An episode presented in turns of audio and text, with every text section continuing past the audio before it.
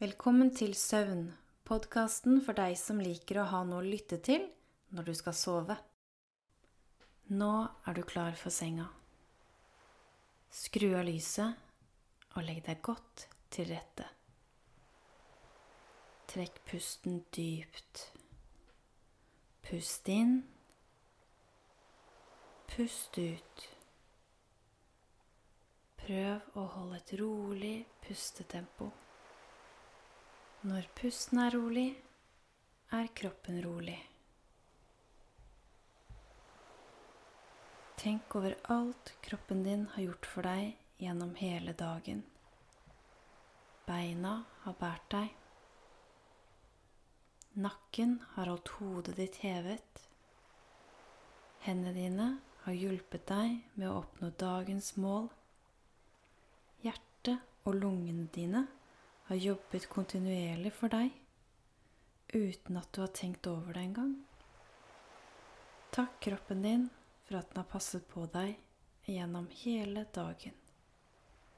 La pusten finne en naturlig rytme mens du hører på dagens fortelling. I dagens fortelling skal du få høre et samisk sang. Har du hørt om en stalo? Eller en stallo. Det er en mytisk figur som ofte dukker opp i mange samiske sagn eller eventyr. De kan være menneskeetende troll, gjenferd eller mer som en demon som er utsendt av en noide. Stalloer er onde og sterke, men de er også dumme og lette å lure. Noen sier at de er en blanding mellom troll og menneske andre sier at jeg minner mer om en zombielignende skikkelse. Uansett kan de være kjekke å holde seg unna. Og godt er det at de lett lar seg lure. Røvet av Stalin. Det var en gang fem søsken. De to guttene var eldst. Den yngste av jentene var liten ennå, men de andre var voksne. Veslejenta kalte den eldste broren far så var det en dag at han sa Nå skal vi ut alle sammen og skaffe mat for vinteren. Vi to skal dra fisk, og deres søstre plukke multer på den store bærmyra. Vi kan følge dere dit på vei til vatnet. Til broren sin sa han, Syns du vi skal ta med pil og bue? Det er nok best, svarte han. Dermed gikk de. Da de kom til multemyra, ble søstrene igjen der for å plukke. Ikke gå noe sted mens vi er borte, sa far. Det er ikke trygt, for det er stalår her. Dere kan se oss på vannet herfra. Dermed ruslet de videre. Men veien var lang, og de ble enige om å legge igjen det tunge pilekoggeret og buen. De stakk det innunder en rot og så fortsatte de med lettere bør. Imens sanket søstrene bær. Da fikk minstejenta se en båt som kom over vannet. Den var tungt lastet. Nå kommer far med båten full av fisk, ropte hun. Nei, det kan ikke være far ennå, sa de andre. Men båten så de også. Den la til på deres side av vannet i en vik. En svær skikkelse steg ut av den og skrittet oppover mot multemyra. Det måtte være Zalo. De ville rømme. Men veslejenta klarte ikke å løpe fort nok, og det varte ikke lenge før Starlon tok dem igjen. Ta det med ro, sa han. Jeg har fulgt brødrene deres til fiskevatnet, og de fortalte meg at dere var her. Men det løy Stalon om. Og nå skal dere få bli med meg hjem, sa han. Søstrene våget ikke å si imot. Vi må vel det, da, sa de. Salom ble glad da de var villige. Så slipper jeg å bære dem, tenkte han. Det hadde jeg nok måttet hvis de hadde slått seg vrange.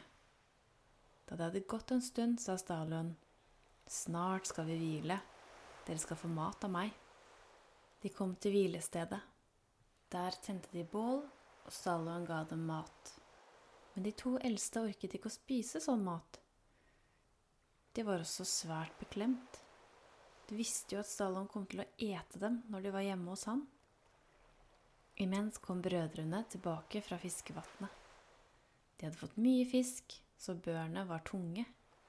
Derfor lot de pilekoggere og buen ligge der de hadde lagt det. Da de nådde multemyra, så de ikke søstrene sine noe sted.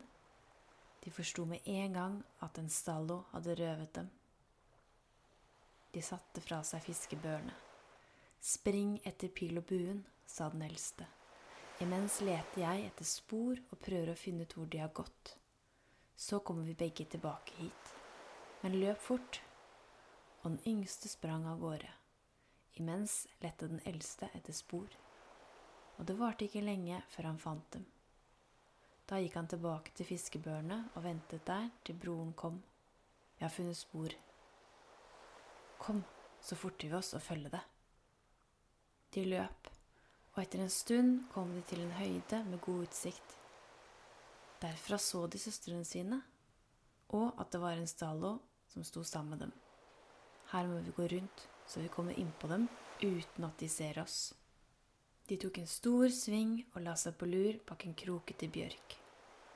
Nå er vi på skuddhold, sa den eldste, men det er ikke lett å såre en stallo. Han er kledd i jern, så han må treffes i øyet om han skal falle.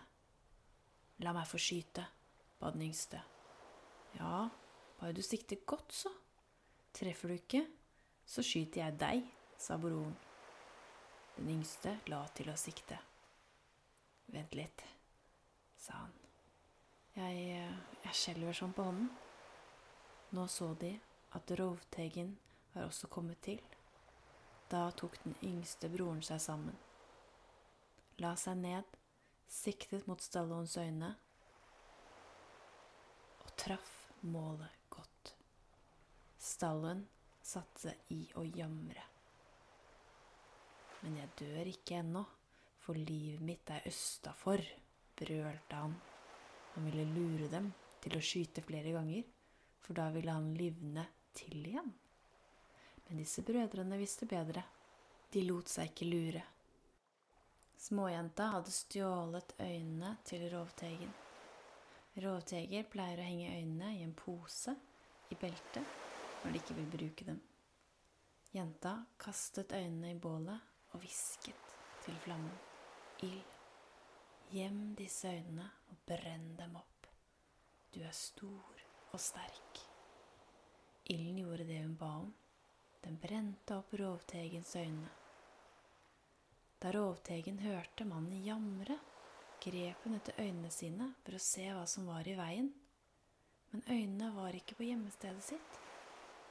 Imens døde stallen.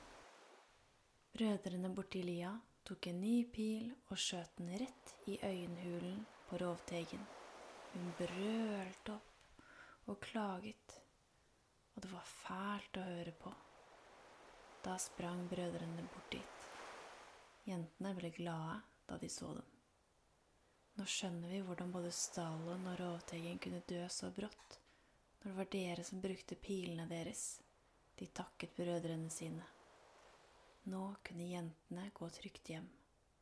Brødrene hentet fiskefangsten de hadde satt fra seg, og så gikk de også hjem.